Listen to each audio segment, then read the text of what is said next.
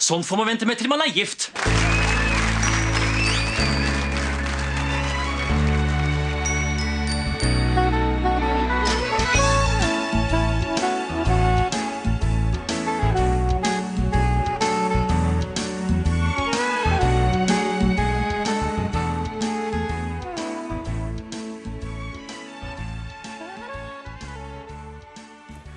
Hallo og velkommen til Norsk film filmpodcast, hvor vi ser norsk film med et kritisk, men kjærlig blikk.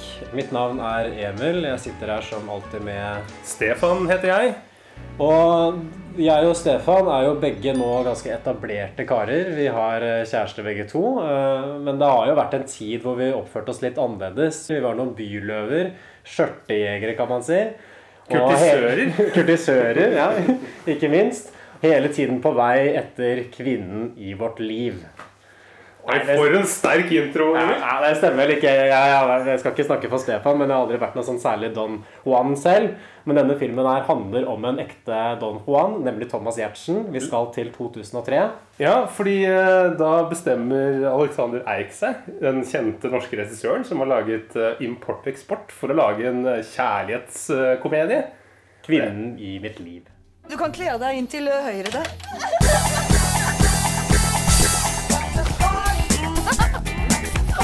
Onanerer du ofte? Det, det burde du. Ehm, Jeg kan flytte inn, og så kan vi pusse opp sammen. Jeg er lost Hvorfor ble det slutt mellom oss, Karinja? fordi du gikk. Du ønsket meg ikke. Det gjorde jeg vel. Du sa det aldri. Skal du ikke spørre meg om jeg vil være med?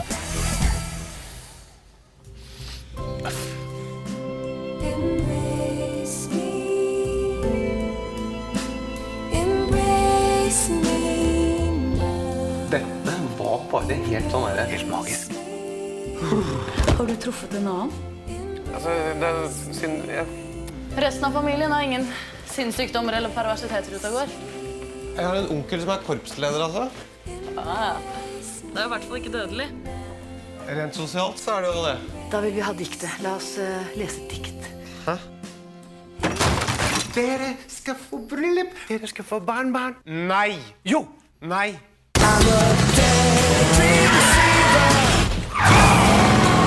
Jeg hadde jo et helt likfølge bak meg her, men de mista jo det. Ja.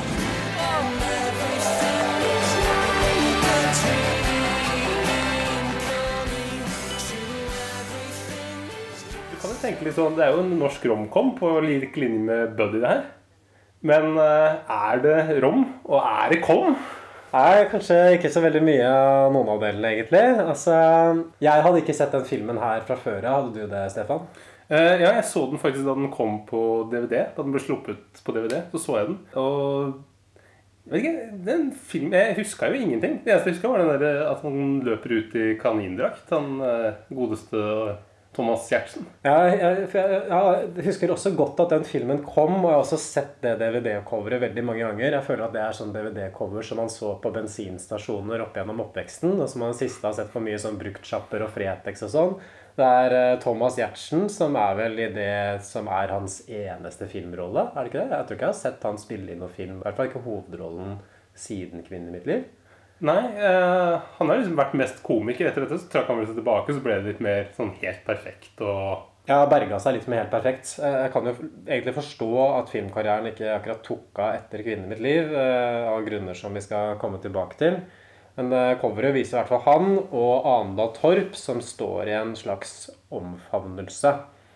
Det er champagneglass med hjerter og litt sånn snirklete skrift. Så filmen selger seg jo inn helt fra starten av som en sjarmerende film om en eh, mann, altså denne Jakob, Thomas Giertsen, en sjarmør som har eh, levd fritt og utsvevende i 20-åra, og som nå skal forsøke å slå seg til ro. Eh, Hvordan åpner den filmen her, Stefan? det, det begynner jo, Vi starter med en scene hvor Thomas Giertsen ligger i en seng og har sex med en kvinne. For han etableres jo allerede som en Don Johan Ja. fra start. Og, um, og den sexen her er så heftig at senga går i stykker. Og det er jo en måte sånn klassisk. Og så er det en sånn voiceover med Thomas Gjertsen som er litt sånn derre uh, Som skal være litt sånn vittig og morsom. Jeg er så lei av damer. Altså, ikke misforstå meg, men det blir alltid så mye rot. Sånn som i går, for eksempel. Jeg skulle bare en rask tur innom et karneval, jeg ta et par øl, og så skulle jeg gå tidlig til sengs.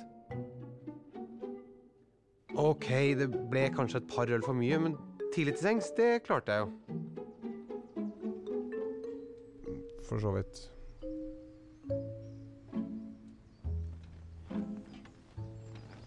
Jeg heter forresten Jakob. Det er jeg som ligger underst. Hun som sitter oppå, hun heter eh,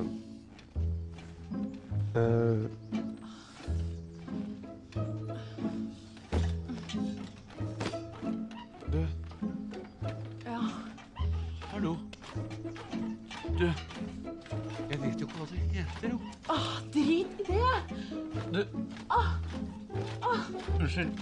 Du. Øyet mitt.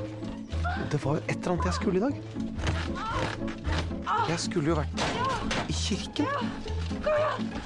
I barndom. Til niesen min. Å, herregud. Det er jo jeg som skal være fadder. Du, jeg skulle vært i en barndom. Au. Au.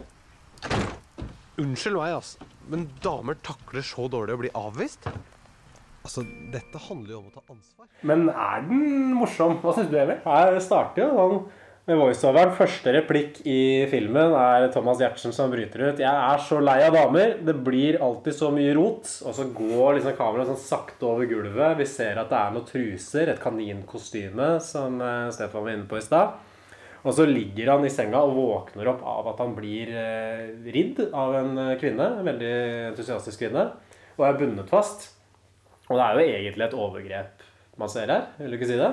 Ja, han han, prøver, han, prøver, han prøver Hun begynner mens han sover. Han prøver å avslutte det, og det vil ikke hun være med på. Hun fortsetter mot hans vilje. En grunn til at Jakob har lyst til å komme seg ut av denne tidlige elskoven, er at han skulle vært fadder i en barnedåp.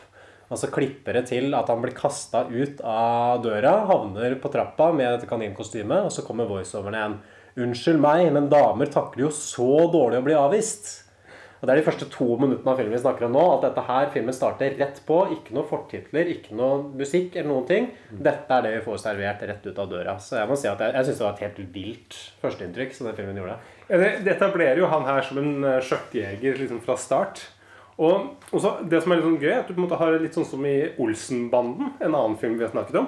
Så er det jo en sånn der, Dette er på en måte en slags sånn forfilm. Og så kommer liksom en sånn flott, eh, litt sånn kjip animasjon med 'Kvinnen i mitt liv' og, og en Femra eller noe sånt, som synger en låt som de også har i Buddy. Er ikke det den 'Girls Keep Secrets in the Strangest Ways'? Ja. Er ikke det Natalie Nordnes? Jeg trodde det var eh, Femra. Ja, en ganske, ganske fin låt, egentlig, syns, syns jeg. Ja, veldig sånn tidstypisk eh, Kan jeg godt sette på eh, når jeg tar meg et glass.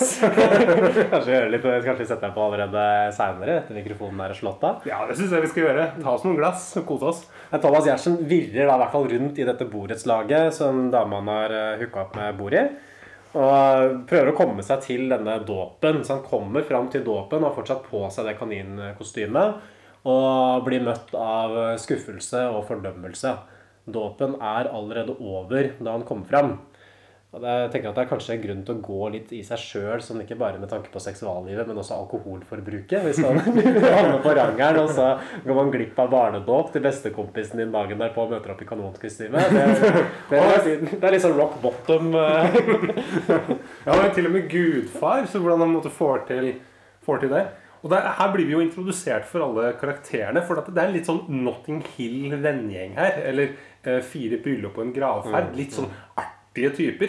Vi har en eh, vi kan jo ta dem. Vi har en blind fyr som på en måte er en god kompis av han. Som spilte Gard Eidsvoll. Gard Eidsvoll, eh, som spiller eh, han blinde, ja. Som er vel en slags sånn kjærlighetsguru, egentlig. At jeg føler at det er han som driver plottet litt framover. Kommer med tips og råd til Thomas Giertsen når han havner i dette forholdet til med Anne Dahl Torp seinere. Veldig snodig karakter, vil jeg si.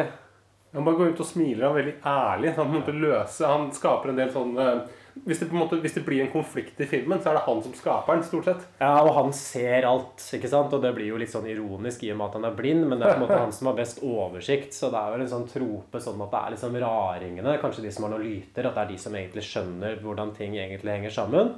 Så jeg tror kanskje det er det man har gått for med den karakteren, at man forsøker å lage Hva heter han karakteren i Notting Hill igjen, som Hugh Grant bor sammen med? Han er- Spike. Spike, ja.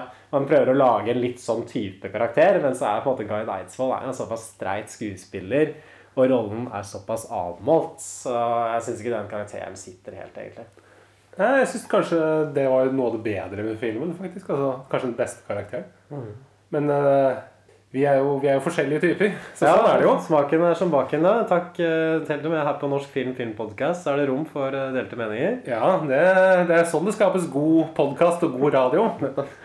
Og vi, vi, vi introduseres også for eh, Line Verndal i rollen som Veronica. Og der kommer voiceoveren til Thomas Giertsen inn igjen og beskriver henne som en sommerfugl som lyser opp overalt hvor hun lander. I det siste har hun landet litt mye på meg. Ja, jeg må minne henne på at vi bare er venner. Så her har man på en måte fått to eksempler allerede i løpet av de to første scenene i filmen på det som egentlig er filmens overordna poeng. At Thomas Giertsen er åpenbart en sånn ekstremt sjarmerende type Mm. som damer bare ikke kan få nok av, og som hele tiden må holde damene på avstand og ikke bli for forplikta til noen av dem. Ja, det er slitsomt å være han. Vi skjønner at han har det tøft. Mm. Skulle ønske jeg hadde det sånn, si.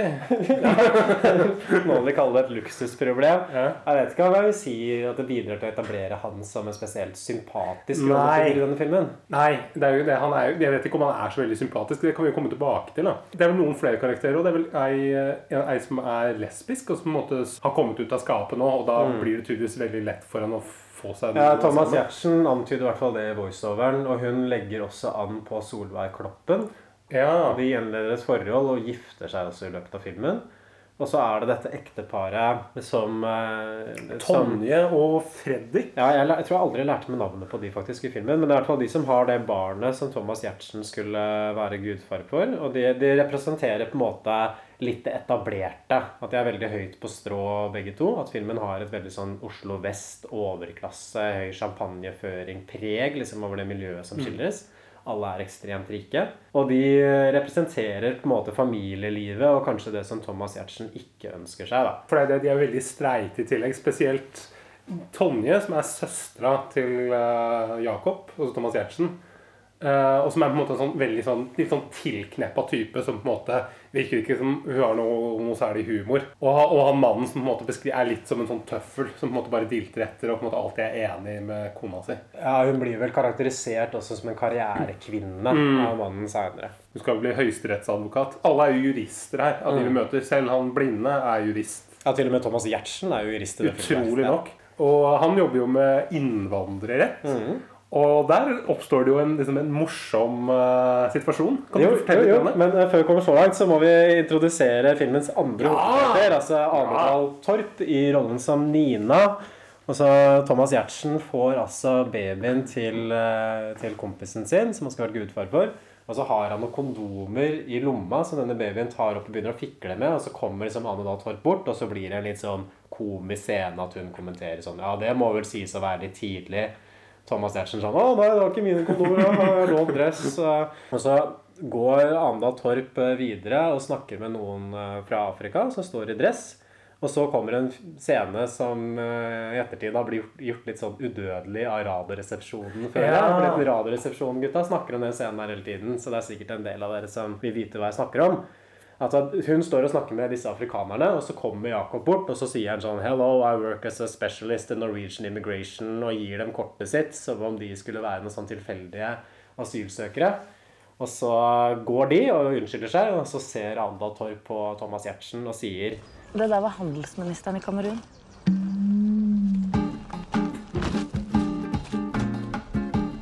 I'm, I'm sorry. Mr. Cameroon? Og så løper Thomas Giertsen etter dem og sier sånn Sorry, Mr. Cameroon! Og det er vel kanskje der at Thomas Giertsen får en litt sånn uh, fatter litt sånn interesse for henne. At han har en liten sånn scene også med Gard Eidsvoll, hvor Gard Eidsvoll sier det at uh, Jakob, bare for at du er singel, så trenger du ikke å ligge med hver dame du ser. Og så svarer Jakob kvinnen i mitt liv, det tror jeg ikke på. Men eh, noe sier meg vel kanskje at han kommer til å endre mening i løpet av filmen om akkurat det. Det er ikke å avsløre for mye. Nei, si det! og det, det kommer jo enda noen sånne flere eh, Vi snakker jo litt mer om Kamerun, for han møter jo henne seinere, og da, da dukker det jo opp da, da spør han om Da snakker han om at du er kamerunsk tolk. Eller du er tolk. Og så spør han, sier han at ja, kan du kamerunsk? Ja, jeg kan én av 250 kamerunske dialekter. Ja, jeg vet ikke om det er noe som faktisk Jeg, jeg kan ikke noe om Kamerun sjøl, så jeg vet ikke om det er noe som filmskaperne bare har funnet på, eller som sånn de faktisk har det i Kamerun. Det kunne vært litt sånn tidlig 2000-tall, en sånn norsk greie. At på en måte du liksom Du på en måte tenker at ja, veldig mange afrikanske land så har de jo dialekter. Så Ja. kanskje de har det i Kamerun òg. En sånn man, sånn man kan skjønne altså Det er også en scene litt tidlig i filmen hvor Thomas Giertsen møter en av eh, klientene sine, altså en asylsøker som er fra Midtøsten et sted. Og så blir det også ekstremt stereotypisk Ah. framstilt. Han er liksom helt over seg og får ikke takka Thomas Giertsen nok. Og så er det I can marry your sister, I can marry you my sister. At liksom man begynner å skal gifte bort søstera si. Det blir nesten ikke mer eh, Ah. platt og mer klisjert. Og så er han så glad i Norge. Sånn Alle får komme til Norge! Mm. Ja, så det, det, det er virkelig sånn det, det er sånn oppgulp av ulike ja. klisjeer. Sånn er kvinnefiendtlig, rasistisk, homofob. Nesten alt av det som er politisk ukorrekt nå i dag, fins i denne filmen. Og heter til og med Ahmed. Den, uh, Ja, ja selvfølgelig. Ja. Men uh, før vi kommer så langt, så drar Jakob og Veronica, altså Line Verndal sin karakter, hun som uh, Gjertsen driver og ligger litt med, men som egentlig ikke har lyst til å innlede et forhold til, de drar opp i leiligheten hans. Jeg synes Det er skikkelig sånn rotete og ekkelt ungkarsreir. og jeg vet ikke om du tenkte over det, men jeg synes det var noe sånn veldig merkelig formspråket til filmen til tider. Fordi det er ofte sånn bilder som er filma, særlig interiørbilder, som er filma veldig sånn distansert og fra en litt sånn ovenfra-vinkel. Så det ser nesten ut som det er filma på et overvåkningskamera. Mm.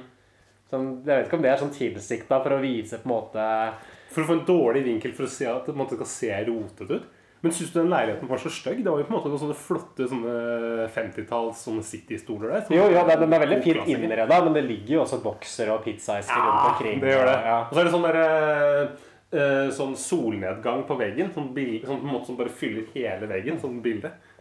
Ja, og, tapet er det vel til og med. Og så et veldig stort bilde av Che Guevara. Ja. Som er bak der. Som pop-art-bilde av Che Guevara. Det lurer jeg litt på hva skal formidle, egentlig. At uh, Thomas Giertsen er litt sånn rebelsk eller macho. For han slår meg ikke så veldig sånn kommunistisk, egentlig. For han Nei. henger jo bare på vestkanten gjennom. og- Jeg tror han er en sånn høyrefyr. Stemmer nok Høyre hvis han stemmer i det hele tatt. Eller en sånn person som mener at politikken egentlig ikke har noe å si for meg, så jeg gidder ikke å stemme. Kanskje han stemmer venstre, faktisk. Det kan være. Han er en venstrefyr. Ja. Line Verndal av- avslører at hun begynte å spille saksofon. og så Der etableres det vel et litt sånn inntrykk av henne som en som kvinne som er veldig flytende, som går fra det ene til det andre, som er ustabil. da. Og implikasjonen er vel også at hun ikke er noe godt kjærestemateriale for Thomas Giertsen. At hun blir for speisa, hun blir for usikker og blir for nevrotisk. Eh, vi blir også introdusert for eh, Thomas Giertsens tidligere samboer, som er spilt av Pia Tjelta. Ja, som eh, er litt sånn Som Pia Tjelta med en litt sånn østeuropeisk aksent. I hvert fall sånn jeg tolker det. Jeg tror hun skal være latinamerikansk, for hun Ah. kaller henne sånn loco og sånn, så ja. Jeg tolka det som østeuropeer, men da Ja, hun snakker veldig sånn gebrokkent av en eller annen grunn. Uh, Men det var morsomt på tidlig 2000-tall å snakke gebrokkent. ja, men det, det, det er liksom liksom sånn, sånn rart. Altså, det er en scene senere i filmen også hvor, uh, hvor hun ender opp med å ligge med, med Thomas Giertsen. Og da kommer hun liksom ut fra badet der, og så driver hun og kjefter. Og 'Du må gjøre dette her! Du må gjøre dette her! Du må gjøre det! Thomas! Jakob!' Og så er det sånn der meksikansk kassegitar i bakgrunnen. Sånn, der kasanetter.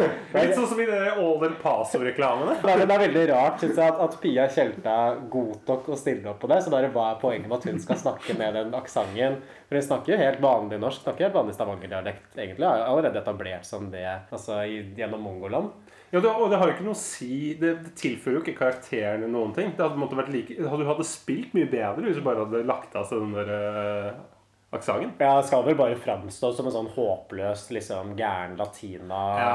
ja Fyrig fyrig latinamerikaner. og så- Som også er vel grunnen til at hun ikke er noe aktuelt kjærestetema da, for, for Thomas Giertsen. Ja ja, du har ikke forandret deg i hvert fall. Vet mer, da? Jeg har det veldig bra. Vi skal kjøpe hus. I to? Jeg? Nei, jeg, jeg, vi har akkurat truffet en firebarnsmor, så jeg er bare for å se etter barnet. De, vi bor i et sånn svært hus her nede. sånn Stor eplehage, vet du. Masse barn som løper rundt og drikker saft hele dagen. Litt sånn Karl Larsson-stemning, egentlig. Du er like barnslig. Du har virkelig ikke forandret deg. Vi skal gå. Vamos. Full uniform. Si bare en ting, stereotypier altså hele veien. Nei, virkelig. Og så, men, men de møtes i hvert fall Mm. først ute her, og så hun introduserer ham for sin nye mann, som er pilot. Og den mannen er faktisk spilt av regissøren av filmen sjøl, Alexander Eik. Ja. Det så jeg i rulleteksten. Han spiller den rollen. Og hun sier til han at uh, altså, du, du er like barnslig som det du har vært før. Du har virkelig ikke forandra deg. Så det er vel liksom det inntrykket man skal få litt. At han sitter litt sånn fast i livet. Han sliter med å vokse opp. Han trenger en eller annen livsforandring. Ikke fordi det virker som han vil det sjøl eller har en sånn indre motivasjon, men fordi at samfunnet rundt forventer av ham. For han kom nå den alder hvor alle rundt ham begynner å få barn og bli etablert. Gifte seg. Uh, og da blir han liksom hengende igjen. Det er på at han Vil han være sånn som uh, Line Verdal, eller vil han liksom være en annen type? Han er jo ikke Line Verdal, men han er heller ikke disse etablerte typene. Så han faller jo mellom to stoler der. Eller vil han bli sammen med en styrtrik lege som er uh, Andal Torp, eh, som man finner ut nå i neste scene. For her eh, er, klipper vi til et legekontor, og så er det en sånn kjapp eh, vignett her som helst skal være komisk, av at Jakob sitter ved siden av noen gamle folk som driver og hoster, som han blir veldig ukomfortabel av, og liksom ser bort og flytter seg. Så det er vel meningen at man liksom skal le litt med ham av de der gamle skrottene. Tenk at det finnes så gamle og sjuke folk. Har de sett på maken? Sånn går det ikke an å oppføre seg. I hvert fall ikke på et legekontor. Og så er det vel en sånn scene hvor han setter seg ved siden av noen, en eller annen som hoster. Og så flytter han seg, for han, eh, hun hoster. Og så kommer det enda en fyr, og han hoster jo enda mer. Ja, enda mer, ja. ja. det var moro. Altså, jeg vet ikke hvordan dette var i 2003, men sånn, i, i dagens perspektiv så gjør det jo at Jakob framstår som ekstremt usympatisk som karakter. Det at han har så anstrengt forhold ikke bare til kvinner, men også til gamle folk, til sjuke folk, til eh, folk fra andre land med andre etnisiteter. At han framstår som ekstremt selvopptatt. Ja, kanskje det Jeg tolka den der scenen mer som på en måte at han bare ikke vil bli sjuk. Det på en måte skjønner jeg godt. Men det er sånn der, hele, det er litt det der med de der, den humoren der som skal være litt sånn underfundig med de der syke folka, er jo litt sånn der First Price, eh, Roy Andersson eller Bent Hamer. Det, og det funker jo ikke. Det er jo ikke noe gøy. Men forskjellen i Roy Andersson så er det nettopp de gamle og de sjuke ofte som er hovedpersonene. Så man har en eller annen sånn sympati med dem. Det er poenget, så det er her har man jo sympati med Thomas Giertsen, som er ung og frisk, og så ser man jo ned på de sjuke. Ja, vi liker ikke dem. Nei. tenker jeg kanskje er en forskjell der. Nei, for etter, Nå kommer vi jo inn på, på legekontoret, og da møter han jo Nina igjen. Og eh, han unnskylder seg litt for liksom, hvordan det gikk eh, forrige gang. Og, eh, og han, han, skal vel bare, han har vel bare fått noe vondt i nakken eller noe sånt etter at han hadde sex? var det ikke det? Jo, det er etter I starten av filmen så er det noe, den åpningsscenen hvor han blir ridd av hun dama, så ender jo sengen opp med å kollapse. Så han får vel en eller annen sånn ryggskade av det, så han vil dra og ta en eller annen sånn legesjekk. Men så er det da Anda Torp da, som er legen. Og da, det som skjer, er jo at han øhm, Han tenker jo at øh, her må jeg bare liksom øh, smi mens jernet er varmt. Så han later som at han er litt slapp, og så får han en sånn full runde med undersøkelser. For at han vil jo være der lengst mulig. For han syns jo hun er øh, Ja, hun er, hun er har, deilig. har en eller annen dragning mot Anda Torp. Og det er liksom en rar rolle for Anda Torp også, for hun spiller veldig sånn feminint, veldig forførende, litt sånn jenteaktig.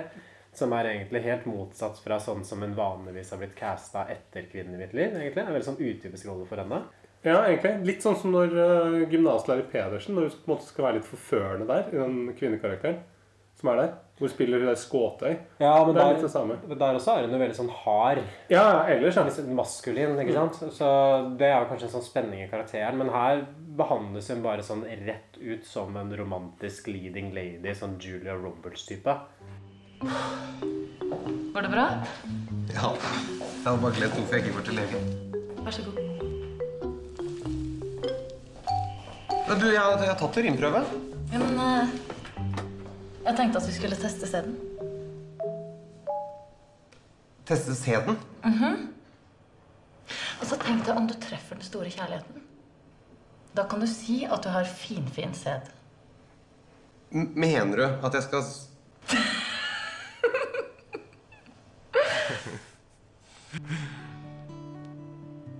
Selger du hus? Har det noe med setekvaliteten å gjøre? Nei, egentlig. Så jeg synes han er helt overbevist om at det er en mann som har skrevet manus her. Uten Ja. at det er sikkert eh, Alexander Eik. Det blir jo sånn fram og tilbake. Så slutter det vel med at eh, hun hører at han er jurist, og så vil hun ha ham til å selge huset sitt. Så det er vel en slags sånn interesse fra hennes side også, at han skal i hvert fall komme inn og være en slags sånn eiendomsmegler. Av en eller annen grunn. Det, hvorfor skal han det egentlig? Ja, det er bare for å komme for å få plottet videre. Ja, for Ellers hadde du tatt kontakt med sånn Sparebanken 1 eller Garanti eller hva disse her heter. Ja, for han driver med sånn innvandringsrett. Spesielt. Ja, nei, eh, men det er ikke vits å sitte og plukke for mye. Han kommer til huset, og så finner vi ut at Anda Torp er sånn styrtrik. Hun bor i en sånn enorm villa med en svær sportsbil utafor. Det er på, på Frogner, er det ikke det? Som det er det flyttebyrået som er fra. Som senere i filmen så ser man som flyttebil fra Frogner. Ja. Så det huset må vel ha vært verdt sånn 15-20 mil, tror jeg, nå i dag. Ja, ja, ja. Eh, Det er jo gigantisk. Det er noe der eh, tidlig 1900-tallshus. Mm. Ja, og så kommer han, han kommer, Det er jo en sånn lang scene hvor han går rundt inne der og driver og vaser. Og en eller annen grunn så, uh, så snakker han med han der Jon, eller hva han heter, han der blinde kompisen om det her. Og så blir Jon, eller blinde, blinde kompisen Jeg kommer ikke på hva han heter, Jon, eller Nei, Jon. som er spilt av Eidsvoll. Garde Eidsvoll. Han blir i hvert fall med på visningen, for han er veldig god på eiendomsrett og veldig interessert i god på boliger og sånn. Som er en joke, for det er han kan ikke se det. Ikke sant? Så det er, skal være litt sånn komisk da, at han på en måte blir med for å inspisere den boligen. Og så um, Han skal liksom winge ham, og så Mm. blir det en litt sånn komisk scene hvor han egentlig bare avslører at Jakob er forelska i Anna Torp, og spør om han har lyst til å være med ut, og så takker hun ja til det. Og så kommer en sånn ekstremt sånn tidlig 2000-tallsscene av Thomas Giertsen som spiller luftgitar med lampe og driver og feirer i stua og bare står liksom og rocker ut. Jeg vet ikke hva du syns om den uh, lille festen hans? Jeg synes det er flere sånne pute-TV-øyeblikk her. Det er kanskje den filmen vi har sett i år det er flest. Det er veldig mange ganger at jeg bare ja, blir helt eh, dårlig. Ja, hele filmen er flau, og det, det blir Ja. sånn flaut også fordi dette er folk man kjenner til, sånn som Thomas Giertsen Mm. og, og Anda Torp og Line Verndal, som jeg føler blir veldig dårlig behandla i den filmen. her Jeg syns at hun er liksom en flott skuespiller som fortjener Ja. å få en sånn å bli driti ut i den rollen som hun har, rett og slett. Og man blir liksom ille berørt på vegne av de involverte. At det bare liksom går fra platte etter platte, et klisjé til klisjé, og det er ingenting som egentlig henger sammen. Men um, i hvert fall Line Verndal kommer inn akkurat mens han driver og fester. og så Det blir sånt problem, ikke sant? fordi hun har jo vært litt interessert i å være i et eh, forhold med han. Han har holdt henne veldig på avstand. Og det kommer fram at hun er en veldig sånn nevrotisk person, og hun snakker om at det at ingen vil ha henne. Og hun forstår også det at han har truffet noen andre, at han har truffet Anda Torp. Og så sier hun, liksom har en sånn dialogscene som egentlig er, som jeg synes var litt sånn fin på sin måte. Hvor liksom sier 'Hvorfor stiller vi alle disse kravene til hverandre?' Hvorfor er det ingen som vil ha meg, Jakob? Mange som vil ha deg. Ikke du. Du ligger jo bare med meg. Du, kanskje vi skal slutte med det? Har du truffet en annen? Hvordan det? Hvorfor skulle du ellers slutte å ligge med meg? Nei, jeg bare Altså, det er jo siden jeg Det er jo så fort gjort at en av oss blir såra. Du har truffet en annen, du. Veronica. Hvorfor stiller vi alle disse kravene som det er helt umulig å innfri, Jakob? Tenk om vi bare kunne være. Og være fornøyd med det. Tenk så Tenk så deilig det hadde vært.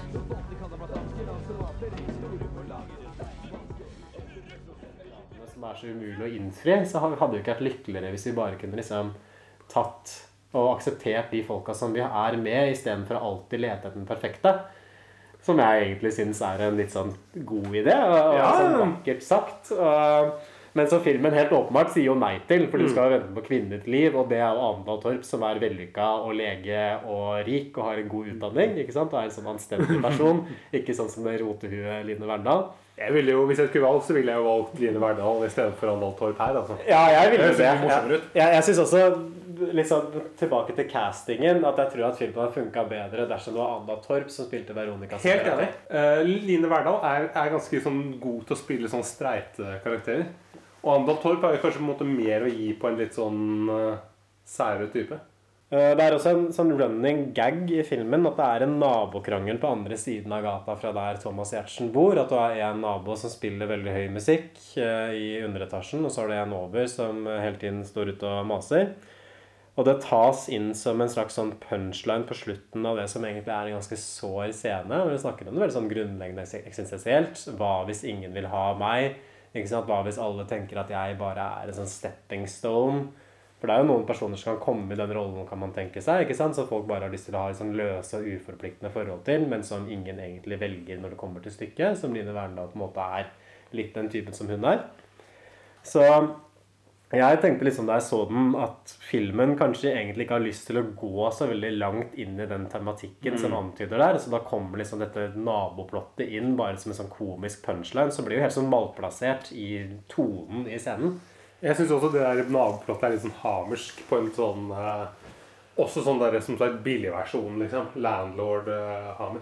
Ja, det er, det helt det, det, det tilfører ingenting til filmen. Det har ikke noen konsekvens for resten av handlingen. Så jeg tror kanskje også det er litt den der Notting Hill-tankegangen. At jeg opplever den filmen er sånn ekstremt sånn, sånn rip-off nesten av Notting Hill Ja, ja, og Love Actually. At man liksom tenker at man må ha en litt sånn, sånn der, ulike sånn quirks. At man framstiller liksom verden som litt sånn quirky med alle disse rare folka rundt omkring. Og så var det det man klarte å komme opp med, var disse naboene som krangla.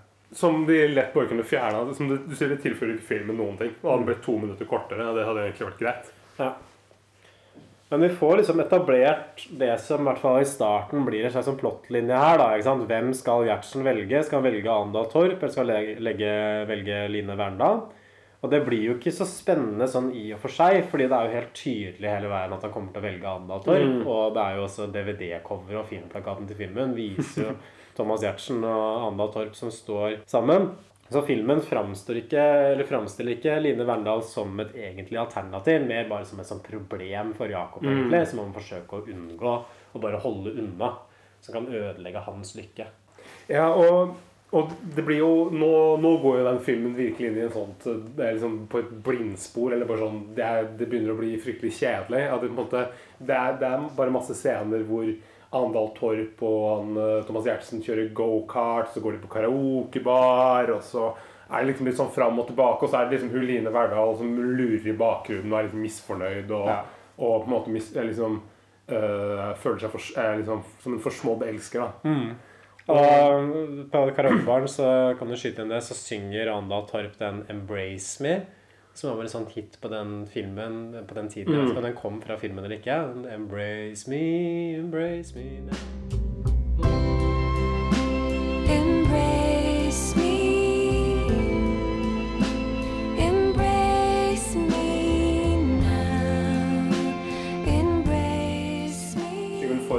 Det er på en måte åpenbart at det er gjort i studio. Ja, det er ja. Jeg vet ikke om det er Andal Torp som synger Nei, i virkeligheten heller. eh, Ja, men det går inn i veldig sånn traurig terreng. Ja. Nå blir filmen på en måte alvorlig. Nå er vi ferdig med det humoristiske oppspillet, som tross alt er litt sånn interessant og artig å følge med på. Og herfra ut så er det egentlig bare romkom-klisjeer. Ja, og den Nina-karakteren kjøper jo liksom noe ba er barneklær, så vi får et hint om at nå, på en måte, nå skjer det noe med noe barn. Og hun er som alle andre kvinner liksom, i Alexanders Eiks hode, at hun elsker jo barn. Ja, ønsker å få barn umiddelbart. At hun har lyst til å få barn med en gang med Thomas Ja. Og de har vel ikke kjent hverandre i en måned engang. Nei, men sånn er kvinner. Ja, selv på en måte høyt utdanna leger som er styrkefolk. Du kan bli sammen med hvem som helst. Jeg kan bli sammen med hvem som helst. Bli sammen med en dassen av en fyr. Og ser ut som Anda Torp. Og det syns jeg var litt sånn skuffende også. For jeg tenkte at Filmen setter jo opp i starten, så er jo greia det at Thomas Giertsen liksom løper fra disse kvinnene hele tiden. At Mm. de alltid vil ha han. Så da tenkte jeg at ok, når Andal Torp kommer inn, så vrir de sikkert på det. Så er det han som jakter at hun er litt sånn avvisende i starten. Men hun er interessert på start! Ja, men det, er- det, det, det blir jo akkurat det samme som Line Verndal og som alle de andre kvinnekarakterene, egentlig. Som bare løper etter han, og så er det liksom hans forpliktelsesproblemer som han forventes å sympatisere med. At jeg, jeg tror det var mye mer interessant hvis han på en måte hadde møtt litt sånn, sånn likekvinne da, i Mm. Anna At hun hadde vært litt sånn mannlig versjon av Thomas Giertsen. Ja, sånn surrehue som bodde i sånn leilighet med sånn solnedgangtapet og sånn. Det hadde jo vært perfekt. Men i stedet så er det denne her liksom, legen med hus til 30 millioner. Med egen praksis, til og med. For hun, måtte åpenbart, eh, hun har jo et eget, eh, eget, eget kontor. Mm. Hun er på en måte ikke noe sånn der fastlege, liksom eh, Eller hun er jo fastlege, men hun ha åpenbart egen praksis. Ja, veldig ressurssterk, og det er jo også litt sånn problem med filmen, kanskje. Fordi filmen lykkes ikke i å etablere en eh, spenning eller en kjemi Mm. mellom Thomas Giertsen og Anda Torp i det hele tatt. Og dels er det for at Thomas Giertsen framstår som såpass usympatisk og selvopptatt at det er veldig rart å tro at noen vil være interessert i å stifte et forhold med han overhodet.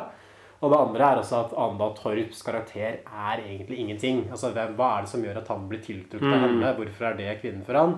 Jo, hun er attraktiv. Hun er rik. Hun er åpenbart ganske smart, ikke sant? men hun har ikke noen sånn særlige karakteregenskaper utover bare det å liksom være den perfekte kvinnen. da, i anførselstegn. Og det er jo ingenting som heller tilsier at på en måte, han skulle falle for henne. Var det, liksom, vi, det, det, er ikke noe, det noe fellestrekk her i det hele tatt. Ingen fellesnevner annet enn at begge har høy utdanning. Nei, Han faller for henne, for hun er Anda Torp. Hun er den andre hovedpersonen i filmen. Hun er den mest kjente skuespilleren av kvinnelige karakterene. Og da, liksom, da tror jeg man bare forventes å kjøpe det sånn helt uten videre. Og um, det er et sånn B-plott her hvor kompisen til Gjertsen, altså han som har fått den ungen i starten som Thomas Gjertsen skal være fadder for, ønsker å skille seg fra kona. Han har ikke lyst til å være en sånn karrierejurist. Han føler seg litt sånn fanga i det øvre middelklasselivet som de har, har der. Han er fjerdegenerasjonsjurist sjøl. Han føler liksom ikke at han bare kan bryte ut. Og det er en type sånn sosial klasseangst her. Sånn ukomfortabelhet med sin egen elitetilværelse.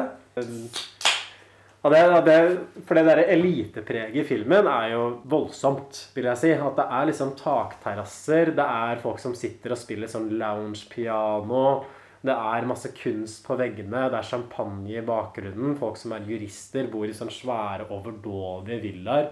Jeg synes Det er nesten litt sånn rart at filmen kom seg unna med å være så ekstremt Oslo vest på en måte i Norge, uten at det ble problematisert i større grad. Men det framstår som ekstremt sånn nesten sånn kvalm vestkantfilm, syns jeg.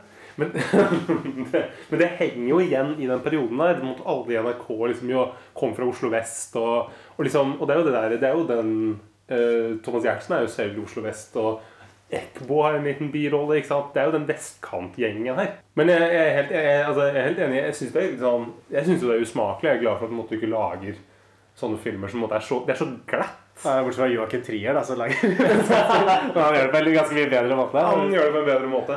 Nei, men fordi, sånn som I Notting Hill for eksempel, så er jo litt av poenget at Hugh Grant er jo ikke, om ikke, han er ikke en sånn arbeiderklassekarakter, akkurat, men han Mm. er en sånn underdog i det forholdet. ikke sant? At Han er liksom, han driver en liten boksjappe. Han bor i et litt sånn hipt, urban, sånn løkkeaktig sted i London. Og så Buddy også. ikke sant? Der bor de jo på Tøyen og jobber som reparatører. At jeg føler Ofte så er det en sånn idé om at man har sånne underdog-posisjoner som ikke er sånn Mm. helt øverst i samfunnet man skal heie på den. Mens Thomas Giertsen framstår jo som så ekstremt privilegert på liksom alle tenkelige måter. Men tror du ikke det har noe med å gjøre at manusforfatteren kunne kjenne folk i de områdene? På en måte, dette er her er han vanker. Han er ikke, han er ikke i andre miljøer. Han på en måte kjenner, Alle han kjenner er jurister, og for han så er det helt normalt. Ja, ut fra filmen så skulle man jo tro det. Fordi det, alle er jo liksom i dette elitemiljøet. Mm. Og de som ikke er det, de skildres jo på ekstremt stereotype måter. Sånn som de innvandrerklientene til Thomas Giertsen, f.eks., som er jo bare underprivilegerte innvandrere, og det er hele deres karakterer. At man har ikke noe blikk, ikke noe sånn interesse av å utforske ting utenfor den sosiale sfæren som de beveger seg rundt i. Så den føles veldig sånn hermetisk eh, lukka, syns Mm. jeg, liksom om det vestkantmiljøet sitt. Ja, og det, det mest liksom sånn eh, progressive her som måte skal være litt sånn oh! Det er jo den venninna som, som er lesbisk. Og det måtte gjøres en veldig stor greie ut av det. Hun måte går i sånne uh, dressjakker med sånn svært slips. Og det er på en måte, Hun skal være veldig lesbisk. Det er på en måte ikke Ja, litt sånn- sånn streng. Ja. Måte, det er liksom uh, Det er liksom det derre Det er sånn stereotypi av en lesbisk kvinne. Ja. Er liksom en humørløs Christine Koht fra den tiden. Og jeg tror at det plottet er, er kanskje skrevet inn av den grunnen at man tenker at man skal ha et sånt eksotisk krydder. Sammen med at Dei- Eidsvoll også skulle være blind. ikke sant? Det har ikke noe bærende effekt på historien i det hele tatt, hans blindhet. Men man tenker kanskje at det gjør persongalleriet litt mer sånn variert og litt mer krydra. da. At han er, å, han er sånn, Thomas Giertsen er så speisa venner. For en liksom farge sånn- For en eh, liksom festlig bukett med venner. Ja, sånn som han i Notting Hill, ikke sant. Så, det, det blir en veldig sånn uinteressant utvikling i plottet utover. Ikke sant? Man kan jo tenke seg hvordan det går. Anda Torp Mm. sier at hun har lyst på barn, og så sier Thomas Giertsen at han ikke har lyst til å få barn ennå. Hun trekker seg da unna, flytter ut av huset sitt, svarer ikke på telefonen. Og så er det noen masse sånn tullescener, egentlig, hvor de bare forsøker å dra ut plottet, sånn som jeg opplever det i den siste halvdelen av Mm. filmen. Det er noe greier med at de hypnotiserer noe yes. Jeg vet ikke om du fikk med deg hva det Nei, men de, nei. Noen fugler eller noe sånt? Ja, ikke den, den catcher, det, det som er poenget, at hun um, En lesbisk karakter, som jeg ikke husker hva heter, mm. ønsker seg en uh, gås til, uh, til bryllupet. Og så tar de noe sovemiddel i noe brød, og så gir de det til de der gjestene. Ja, ok. For å få med seg, men så kommer politiet og sånn. Ja, og så er det masse sånne forviklinger der. Ja, og så er det også det at han drar og prøver å finne der Veranda Torp bor, og så møter han Det er vel tanta hennes, kommer det fram seinere? Ja, Kjersti Kjersti Holmen. Holmen. Ja, ja. Og, og det viser seg at de sitter og skal gjennomføre en sånn aktmalingstime hvor også damene er nakne, og så tror de liksom at Thomas Giertsen skal være modell for dem. Og, ja, så ha-ha. Ikke sant? Så det, det føles ut som bare en rekke sånn sketsjer egentlig, som er lagt inn for å dra ut tiden, som ikke har noe sånn påvirkning på plottet. Sånn spesielt ikke den der Yes-scenen. Den er jo bare helt ja. Skjønner ikke hvorfor de har tatt med. Nei, det er vel, han, det er vel noe at han blir forsinka til et eller annet. Eller, men, ja, Og så er det også hun derre Tonje, hun som er sammen med han derre Fredrik, som plutselig hun streite, som plutselig skal føde. Og da kjører de en sånn likvogn sammen med Espen Eckbo. Ja. Som på en måte, Espen Eckbo er da eh, kjører i denne begravelsesbilen. Ja, god dag, du. Beklager å forstyrre deg, men vi har en fødende kvinne her. Har du noen mulighet til å få kjørt henne til nærmeste klinikk? du, jeg er egentlig litt opptatt. Jeg... Fortere, da! Hvis, er det, hvis det, er, er det, det er veldig om å Kan gjøre. dere forte er dere? det- Det er veldig om å gjøre. Ja. Nei, det, jeg vil ikke være vanskelig, men det OK.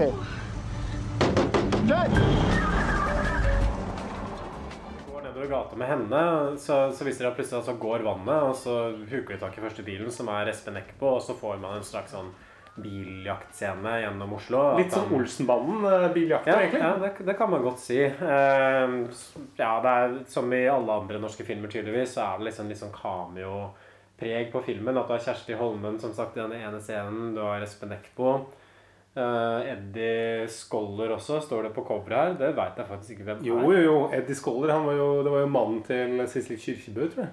Han, uh, han spiller faren til uh, denne Maria, denne, denne liksom eksen til Ja, Thomas den, ja, den scenen der Men bare, «Oh, la, la!» Ja, ja, fordi det der ja, altså, Et eller annet sted inni her så tar Thomas Giertsen og Pia Tjelta og hooker opp igjen. Og så, så blir det liksom at hun mener at hun skal flytte inn i leiligheten. Hun spiller vel sånn ja, gæren latina-dame ikke sant? som tror liksom nå skal gå til å bli sammen igjen og få barn med oss. Og så kommer faren hennes inn i en eller annen scene, og han mener også at de skal gifte seg. Og så blir det et slagsmål mellom Thomas Giertsen og den faren. Sånn, hvorfor er dette her med i det hele tatt? Nei, men det er vel, Thomas Giertsen kommer hjem, og så står det liksom masse håndverkere og pusser opp i leiligheten hans. Og en av dem er jo han der faren til hun derre For som vi alle vet, så på en måte alle innvandrere som bor i Norge, er jo håndverkere, og de er veldig gode på å pusse opp. Ja, og alle har lyst til å gifte bort døtrene og søstrene sine. Til, til hvite nordmenn. Ja. Nei, det er virkelig helt forferdelig. Altså. Men, men det som skjer, som kanskje er mer sånn overordna plottutviklingen, hvis man ser bort fra alle disse små liksom, sketsjaktige scenene, er at det viser seg at Anna Torp er gravid. Da Thomas Giertsen eh, Nå blir han egentlig psykotisk. For han blir overbevist om at Anna Torp egentlig er lesbisk. Og at hun har ligget med han fordi hun bare ville ha sæden hans, basically, for å kunne føde et barn. Så det er, det er hans det det, det er hans konklusjon at sånn må det henge sammen. For at hun er gravid, hun har ikke lyst til å treffe ham lenger. Så da må det være for at hun er lesbisk og bare har ligget med han for å kunne få et barn. Som er jo ikke vits å kommentere engang. Sånn der, hvor stilt dette her At dette her, er, dette her er hovedpersonen i filmen som man skal være på lag med og heie på. Den gangen så måtte det være, var det lett å komme inn på jusstudiet. For å si det sånn. Tilbakestående å komme inn. Nei, han, han drar liksom for å konfrontere henne i det nye hjemmet sitt. Han tror også at hun er, har et forhold til Kjersti Holmen, til sin egen tante. Fordi det er liksom en viss sånn Måten kameravinkelen er, er satt opp på, så ser det litt ut som at Kjersti Holmen slikker henne. At det ser ut som Anna Torp sitter og skrever. At det er veldig, veldig søkt. Og det er også liksom Samtidig som at han skal prøve å liksom eh, leve seg mer inn i rollen som far. da, ikke sant? Man får noe sånn forsøksvis sånn rørende øyeblikk hvor han tar vare på ungen til kompisen sin. Skifter bleie. Han vet jo ikke hvordan han skal gjøre det heller, så han må jo ha hjelp til det. Og han er jo på en måte helt noldus med barn, han fyren. Ja. Og så kommer vi til den der klimaktiske um, graviditets... Er klimaktisk, er det et ord? Ja, er det ikke det? Sånn klimaks i filmen. Ja, klimaks, ja! Det Ok. Kan si det sånn da, Man kommer til klimaks i filmen, som er altså etter denne scenen hvor eh, Espen Eckbo kjører likbilen med fødende Tonje til eh, sykehuset. eh, så får man liksom den veldig sånn obligatoriske romantiske komediescenen. At Thomas Giertsen bare oppsøker Nina, erklærer kjærligheten sin til henne, sier at det var deg jeg vil ha hele veien. Jeg vil gjerne ha fire barn med deg. Jeg, jeg elsker det. Jeg, jeg, jeg tenker på deg hele tiden. For jeg har lyst til å se deg i dag, og jeg har lyst til å se deg i morgen. Jeg har lyst til å Jeg har lyst til å se deg hver dag resten av mitt liv. Hun bare går med på det helt sånn uten videre.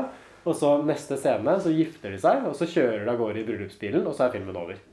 Ja, så slutter det. det er veldig sånn, filmen bare runder av på fem minutter. Ja, litt som at de på en måte nå er veldig glad for å bli ferdig. Ja, nå er det nok, ja. Og så er det veldig typisk også om 2000-tall at de filmer når de filmer mens de kysser, så er det på en måte så er, følger kameraet med hele veien rundt. Det er jo sånn der, en sånn evig runddans Ja, litt sånn som i Vertigo, ja. Ja, Vertigo. Eller i Varg Veum, når Bjørn Floberg og Varg Veum står ute på en eller annen odde, og så går Ja, det er ikke, det er ikke så dumt, for jeg vet at Alexander Eik har jo regissert noen Varg Veum-filmer Ah, i tillegg til Atlantic Crossing, så det er kanskje sånn autørtrekk, det hos han. Ja, sånn Han der- sier- Hitchcock-hommage. Filmen er jo ekstremt treig og poengløs i hele sin andre halvdel. Du har bare dette fyllmaterialet. Og filmen, det skal sies også at den varer i nøyaktig 90 minutter.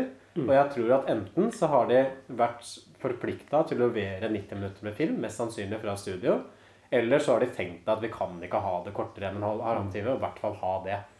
Men etter alt liksom det treige fyllstoppet, så får man liksom en ekstremt sånn abrupt slutt. Så jeg fikk veldig inntrykk av at filmen bare Ok, nå er de gift. Ferdig. Nå er historien over. Nå stikker vi. Det er litt sånn tøm og røm-greie. Ja, men jeg fikk så inntrykk av at liksom regissørene bare slipper opp. Ja, ok, det var det vi hadde. Nå er filmen over. Nå kan dere ikke klage. Nå er på en måte historien avrunda her. Så ja, litt sånn som Thomas Giertsen kanskje har operert med disse damene, damene sine tidlig i livet. At filmen behandler publikum på litt sånn samme måte. da At man blir liksom tatt med, og så blir man bare sluppet. Blir dumpa, rett og slett. Det, det virker liksom at det ikke kan bli ferdig fort nok, egentlig. Sånn når det kommer over en viss eh, kneik. Så altså, hva skal man, hva skal man si? Sånn, hva, hva sitter du igjen med her, Stefan, som et sånn overordna inntrykk? Kvinnen mitt liv. Eh, altså jeg, jeg tror jo det er den verste liksom, norske sånn, uh, komedien eller romcom liksom, som jeg noen gang har sett. Det er på helt grusom. Og det er på en måte som Du sier, du får ikke noe sympati for karakteren. Det er et ganske stort problem. Og så er det alle disse stereotypiene med liksom den der Maria og sånne ting. Og så er det at jeg, jeg syns ikke, ikke Thomas Giertsen er noen god skuespiller. Jeg synes han, han spiller jo bare ironisk. Han er på en måte ironisk hele Nei, han er jo bare seg sjøl. Ja. Han surfer jo bare på sjarmen sin som Thomas Giertsen. Men han har ikke noe kjemi med noen av de andre karakterene. Det er veldig lite troverdig at han og Adda Torp faller for hverandre. Det er også veldig lite troverdig at han og Gard Eidsvoll er venner. Hvorfor ikke Gard Eidsvoll hovedkarakteren? Det hadde vært mye morsommere å Det ha hovedrollen. laget. Det er jo Thomas Giertsen vehicle, liksom. Men jeg, men jeg tror det kanskje altså avslører noe med at han ikke er profesjonell skuespiller. At han Mm. klarer ikke å få den kjemien. Så han kan på en måte være litt sånn sjarmerende og morsom sånn isolert sett. Men han får ikke til å gjenskape eller skape noe i eh, interaksjon med en annen skuespiller. Nei, for det, det, det, det som er problemet er at Nivåforskjellen er så stor mellom Arendal Torp, som er liksom en av de beste filmskuespillerne i Norge, iallfall etter min mening, og, så, og sammen med Thomas Gjertsen, som er, er liksom, sånn, eh, nok sagt på en måte er helt ubrukelig som skuespiller. Eh, og den, den kombinasjonen der måte, nivå, Nivåforskjellen blir altfor stor. Og nettopp derfor så syns jeg på en måte litt sånn synd på Thomas Giertsen-karakteren når han spiller. For du ser liksom at Du føler at han prøver så hardt, men på en måte han får det jo, får det jo ikke til. Han når jo ikke, når jo ikke henne til, til storetåen engang. Nei, det er skikkelig flause. Og selv om Mandal Torp Dette er vel tidlig i hennes karriere. Og igjen, jeg er helt enig med, med deg, Stefan. Mandal Torp, all respekt til henne. Kanskje Norges beste kvinnelige skuespiller fra sin generasjon. Eller jeg kommer ikke på noen som kan utfordre henne på det. Spiller alltid interessante roller, syns jeg. Interessante kvinnekarakterer. Ikke her. Her, som, som sagt før, hun spiller bare en sånn streit Julia Roberts-aktig romkom-hovedperson. Feminin, jentete, knisete karakter som ikke kler henne i det hele tatt. Sånn som en scene hvor hun står og synger den 'Embrace Me'-låta til Jakob med en sånn topp, og så ser du sånn brystvortene under, for hun har ikke på seg bh. Ja, for jeg Det er sånn elsker jo det. upassende. Vi elsker jo måte, kvinner som måte kan er liksom, de, de skal liksom være på kjøkkenet og de skal synge. Det er på en måte sånn, sånne feminine interesser. Ja, interesser. Vi måtte bare vente på at liksom, eh, hun dekker på liksom, med de kosteligste retter på, på bordet når Thomas Gjertsen kom forbi. Det er på det alle stereotypiene her. Det er helt grusomt. Men den, den, den, den, jeg vil si, den jeg vil si blir verst behandla i den filmen, der, det syns jeg er Line Verdal. Ja, som, som, som, sånn som sa, for Den karakteren hennes er jo bare så utrolig stakkarslig og patetisk. Hun bare legger seg etter Thomas Giertsen hele tiden. Han avviser henne. Og så er det alltid sånn Hun skal alltid være med når de driver og diskuterer liksom, hva Thomas Giertsen skal gjøre med Anda Torp. Så sitter hun liksom alltid i bilen eller rundt bordet av en eller annen grunn. Og Thomas Giertsen tar ikke noe hensyn til at hun Nei, nei, nei. er det heller. Bare, han bare kjører på. på måte. Han blir litt sånn ille berørt når han Gard Eidsvoll tar det opp, men bare ja, ja, og så ser jeg liksom at hun blir trist, og så ja. Ja, ja, hun blir trist, da er ikke mitt problem. Mm. Og så ender det jo med at hun blir sammen med han Gard Eidsvoll, han blinde, på slutten av filmen. Mm. Igjen litt at Det har ikke vært noen antydning overhodet om at det har vært noe sånn romantisk mellom dem. Men det er liksom, ja, det er vel kanskje det hun må ta til takke med. da, ikke sant? Mer sånn der, Beste hun får. Ja, ja. Nesten litt sånn kvasi-arrangert ekteskap. At han bare frir helt sånn ut av det blå. Men det er litt som at alle skal være sammen noen til slutt når filmen er ferdig. Ja, Det skal løse seg for alle, ikke sant? Alle Men skal sånn- få ja. forhold. Nei, så, Det er ikke gøy å være singel. Det, setter vi ikke pris på her. Nei, og i hvert fall ikke være sånn virrete, litt sånn usikker type som ikke har funnet ut. Da er det bedre å være lege og være rik og ha en svær villa som man driver og selger, sånn som Ando Torp har. ikke sant? Men det å drive, og, drive med yoga, og så gir du deg, for det er kanskje ikke yoga du hadde lyst til å gjøre likevel, det er et tegn på at da er man ikke noe godt kjærestemateriale, egentlig. Og det er, det er liksom hele premisset for filmen. Og det, jeg tror også det at filmen argumenterer jo aldri for at Thomas Giertsen burde velge Anendal Torp framfor Line Verndal. For man kunne jo sagt at Anendal Torp er jo en ganske kjedelig person. Mm. Ekstremt privilegert person. Kanskje hadde vært mer spennende å liksom gå for litt sånn wildcardet, da. Ja. Ikke sant? Sånn som i Buddy så er det jo sånn. ikke sant? Da er det jo Janne Formoe som er den karrierekvinnen. Hun er den som velges bort. Ikke sant? Som er Pia, Pia Tjelta, som spiller i den filmen også. Hun er jo den som er litt sånn hippieaktig. Som er den som man egentlig skal ha. Ofte i romantiske komedier så er det jo litt sånn at du velger på en måte det litt sånn usikre, spennende momentet. Mens i 'Kvinner mitt liv' så er det helt motsatt. Der er det Der er det styrtrike legen, arvingen. Hvor lang tid tar det før de skiller seg etterpå? tenker jeg. Dette her det er kjedelig. Eller hvor lang tid tar det før Thomas Giertsen får et eller annet sidesprang? Etter, Ja, alle vil jo ha han. Han kan jo ikke la være. Det er jo ikke hans feil at kvinnen er så interessert. Nei, nei, nei, herregud. Hva skal, hva skal han Nei, så sjarmerende. Det er utrolig. Ja, det verste er at den dårlige behandlingen av Line Verna Det kommer til og med på DVD-coveret. Jeg sitter med det i hånda nå, og da står det Thomas Giertsen, Anmar Torp, og så står det gjesteroller Kjersti Holmen, Eddie Scholler og Espen Eckbo. Så Espen Eckbo, som er med i én scene sammen med Kjersti Holmen, blir kreditert over Line Verdal og og altså Gard Eidsvoll. Og. Eddie Scholler! Hvem vet hvem han er nå? Nei, men, men det, er- det, er- det er sånn Kunne Eddie Eidsvåg isteden. men det sier et eller annet om kynismen i den filmen. Istedenfor å kreditere på en måte de viktigste birolleskuespillerne, så tar man heller og løfter fram liksom, disse kjendiskameoene og prøver å selge filmen inn på det. Nei, gjør ikke det, da! Kommer de?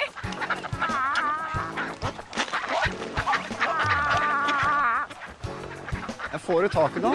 Ja, de spiser og spiser! Men du, vet du, du sa du ville så Ja, 'Kvinnen i mitt liv' kunne vi jo snakka om i timevis, uh, Stefan. Uh, til tross for at uh, filmen varer i 90 minutter, så er det jo så ekstremt mye å ta her, med detaljer som ikke henger på greip. Dårlige skuespillerprestasjoner, stereotype karakterportretter, sånn halvrasistiske framstillinger. Men hvis vi skal oppsummere litt, altså Hva sitter du igjen med av filmen, og hva slags ternekast ville du gitt 'Kvinnen i mitt liv'? Nei, jeg ble jo ille berørt av den filmen. her. Det er noen helt grusomme scener. Annet når der Tonje som liksom skal denne kar- eh, flinkis-karakteren blir liksom vill og gæren og skal danse og dra av seg klærne og sånn. Hvor jeg på en måte bare Jeg måtte bare pause og bare gå ut og hente meg et eh, glass eh, musserende. Bare for liksom å åh, få tankene Ja, opp. det, det jeg, det er vel liksom bryllupsscenen her. Fordi Ja. Da sier han Gard Eidsvoll at hun, den mannen Ja. å skille seg fra henne fordi han mener at du er så kjedelig. Og så hun blir liksom sånn Ja, nå skal jeg vise deg hvem som er kjedelig her. Og så liksom klippes det sånn rockemusikk, og så hun flever litt av seg, og så begynner å danse som en høygravid på en sånn rocka måte. Alle bare wow! Får i gang rockefoten, og så er det noen hofteholdere og Og så viser det seg at hun har eh, også hatt mye mer sex da med ektemannen etterpå. og Så er det som teller. Hva er det han sier da? 'Slapping the donkey'? Eller noe sånt? Nei, virkelig helt åh, Utrolig unødvendig plott. Ja, helt grusomt. Eh, Så eh, mitt terningkast eh, til den smørja her, det er terningkast én. Uten tvil. Solid ener. Hva med deg? Nei, Det er en solklar ener. Jeg, ser på DVD-coveret at Dagbladet eh, klarte faktisk å gi denne filmen terningkast fem da den kom i 2003. Thomas Giertsen overbeviser som skuespiller, står det der. Jeg vil jo si at han overbeviser for at han framstår som en troverdig nok karakterportrett, men det er bare at den karakteren er så forferdelig usympatisk. Jeg kjøper at dette er en person som kanskje fins, som liksom er så ekkel og selvopptatt som det Thomas Giertsen er. Men eh, at man skal lage en hel film rundt denne personen det Jeg vet ikke hva du syns om Thomas Giertsen som en figur mer generelt? For jeg, jeg, må, jeg må si liksom at jeg alltid har hatt litt sånn sansen for han. Jeg har ikke noe Jeg liker ham ikke. Jeg syns han eh, eh, jeg synes for det første han er ikke noe, jeg synes ikke han er morsom. Han på en måte får ikke til Han er jævlig dårlig på timing. Eh, og så er han en fyr som Jeg tror han gjør seg best i bakgrunnen. Det kan godt være at han på en måte funker, funker greit, men jeg, jeg, har ikke noe, liksom, jeg har ikke noe respekt for Thomas Giertsen i det hele tatt. Bortsett fra det han har fått til liksom, økonomisk og sånn. Men hva med Helt perfekt, da? Har du ikke sett Nei, med det? grusomt dårlig. Jeg synes det, ja, for jeg liker Helt perfekt, egentlig. Da, men da spiller han jo på en måte litt sånn den samme figuren som han spiller i den filmen her. Han spiller egentlig. seg Bare at, han, bare at han driter seg sjøl ut. da? Han spiller seg sjøl som gjerrig, som overfladisk, selvopptatt, utseendefiksert. Og jeg tror kanskje hvis man hadde hatt mer av Helt perfekt og liksom den selvironien i 'Kvinnen i mitt liv', og filmen hadde vært litt mindre liksom rotfesta i hans perspektiv, og liksom forventa at ja, ok, dette her er en kul person som jeg har lyst til å være, som jeg har lyst til å se verden fra, så ville filmen også fungert. Men eh, nei, en eh, soleklar ener. Eh, Det er liksom så langt nede at jeg kommer nesten ikke på sånn hva som skulle til for å løfte opp en toer engang. For å gjort det bedre. At jeg kan ikke se at det er noe som helst forbedringspotensial her. At det er bare så Jeg tror faktisk ikke engang med en annen hovedrolle, med en annen person i hovedrollen. Altså, måtte, hvis du hadde satt Espen Skjønberg i hovedrollen, så hadde ikke filmen blitt terningkast to engang. Eller Toralf Maurstad. Toralf Maurstad og Henriette Lien, kanskje? Nei, eneste, eneste måten Svein Krogstad. Nei, eneste måten å redde filmen her på hadde vært å lage en helt annen film. Fornøyd nå? Hæ? Tror du ikke jeg vet om det lesbegreiene? Tror du ikke jeg har sett det? Dere blir nok en jævlig fin familie. Hva snakker du om, Jakob? Jeg har sett hva du driver med. Hvis du tror du kan lure meg, kan du bare glemme. Det jeg prøver å fortelle deg, Egil, er at den oppsamla ligger Eh, i sju måneder. Nå... Dette er Petter. Jeg tror ikke dere har hilst. Ja.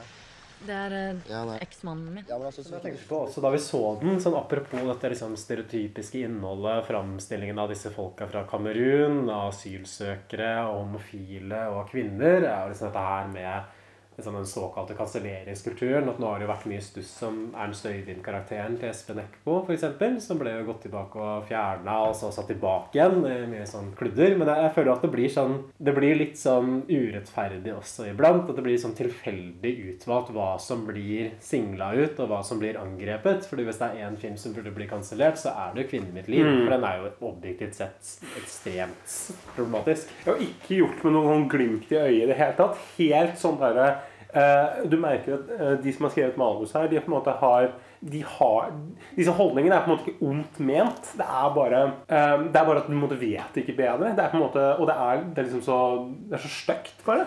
Ja, det er, det er veldig sånn kjølig, Ja. kynisk overklasseblikk på Ja, samfunnet veldig. som kommer fram. Og liksom iboende sånn dømming av folk som ikke er like vellykka som det Thomas Giertsen og Andal Torp er. Og det kan man i hvert fall si liksom om Uansett hva man mener om Espen Eckbo og hans vurderinger opp igjennom, så føler jeg alltid at det er en sånn grunnleggende empati i måten han skildrer karakteren sin på. Sånn Ernst Øyvind blir skildra som en empatisk figur. Det er en person som man skal kjenne seg igjen i. Mens de asylsøkerne i den filmen her, de er bare sånn idioter som Thomas Giertsen jobber med, og sånn som man skal le av liksom i kraft av å være asylsøkere. Ja, for det er ha-ha-ha, se han her som kommer til Norge og på en måte, han får inn alle slektningene sine og, og, og på en måte er så stereotypi og heter Ahmed i tillegg. Ja, og se liksom Pia Tjelta som, har, som er så gæren, Ja. liksom uh, latinamerikansk, og se faren hennes som bare har lyst til å gifte henne bort og begynner å pusse opp leiligheten. Ha-ha-ha-ha. Ah, for at alle innvandrere kan jo De er jo veldig gode til å pusse opp. Eller de gamle taperne som sitter og hoster på legekontoret. Sånn æsj, nei, i hvert fall ikke jeg sitter ved siden av.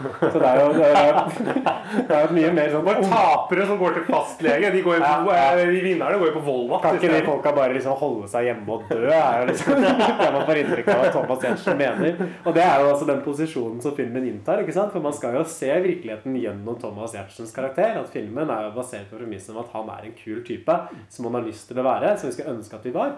Som vi ønsker på en måte alt godt også. Han er en kul type. Han sykler jo rundt i hele Oslo istedenfor å kjøre på bil. Han kjører på noen der offroader rundt hele. Veldig mye klipp. Er liksom en sånn game, sånn storbytype, på en måte. Det er, det er jo et eller annet med det som skiller kanskje Ernst Øyvind-karakteren. Selv om det er jo aldri bra å gå i blackface, og man kan jo kritisere den beslutningen. Men 'Kvinnen mitt liv' er jo i mye større grad en sånn ondsinna Mm. skildring. At den, den mener ikke å være ondsinna, men den er det på en måte i kraft av sin blindhet liksom overfor det ståstedet som sjøl tar. da.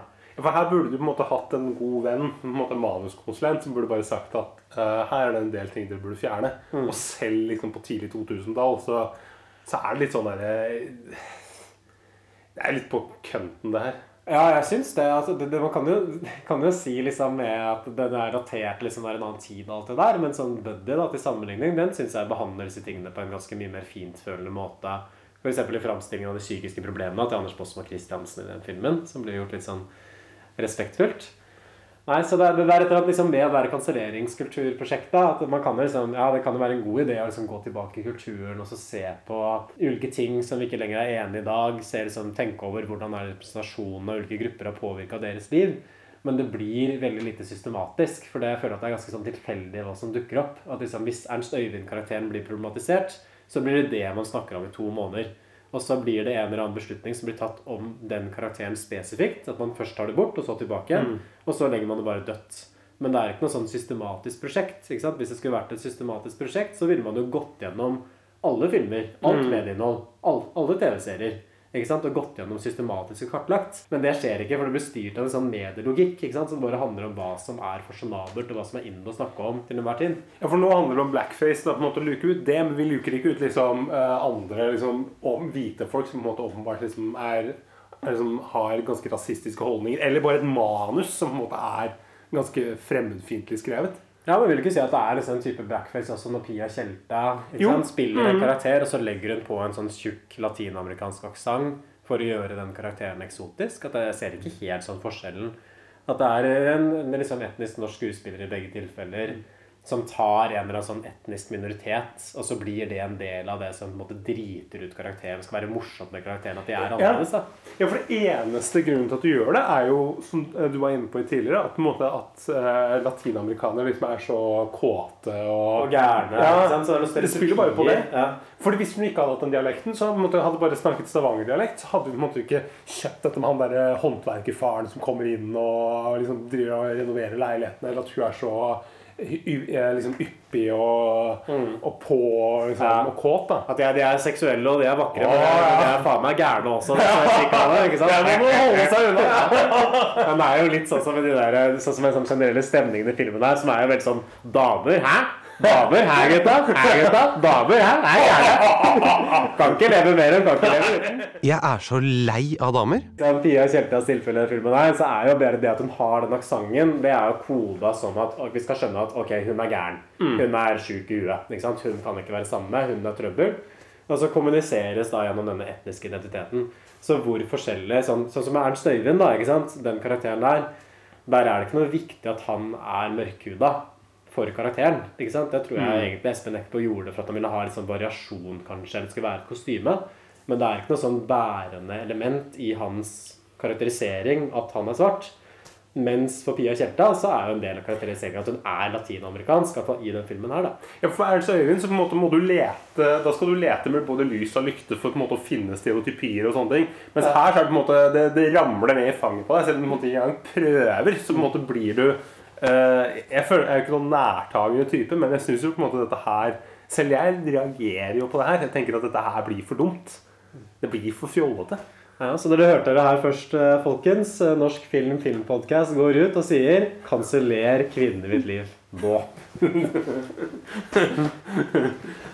Eller behold den som et sånt historisk dokument. Som på en måte kan eh, over 2000-tallet og Alexander Eiks produksjon. Jeg tror vi kommer til å se mer av Alexander Eik Ja, framover. Crossing kommer helt sikkert så gleder dere til den.